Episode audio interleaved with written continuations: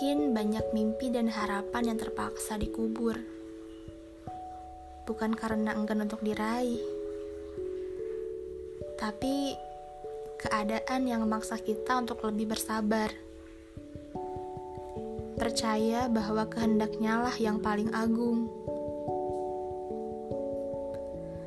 Banyak kejutan manis dan mungkin sesekali pahit akan datang kemudian ada yang memberi kebahagiaan, ada juga yang memberi pelajaran. Tergantung kita ikhlas melihatnya dari sudut yang mana. Kamu pilih yang mana?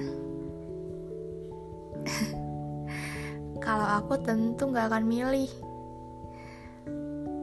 Aku bakal biarin semuanya berjalan gitu aja.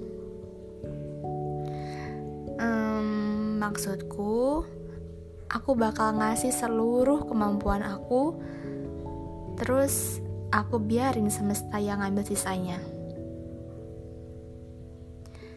Sesekali ngerasa sedih itu gak apa-apa kok. Tapi jangan mau dibikin sedih melulu. Rehat katanya. Jangan sampai kamu terbuai sama makhluk yang menyebalkan itu. Istirahat sebentar, lalu bangun.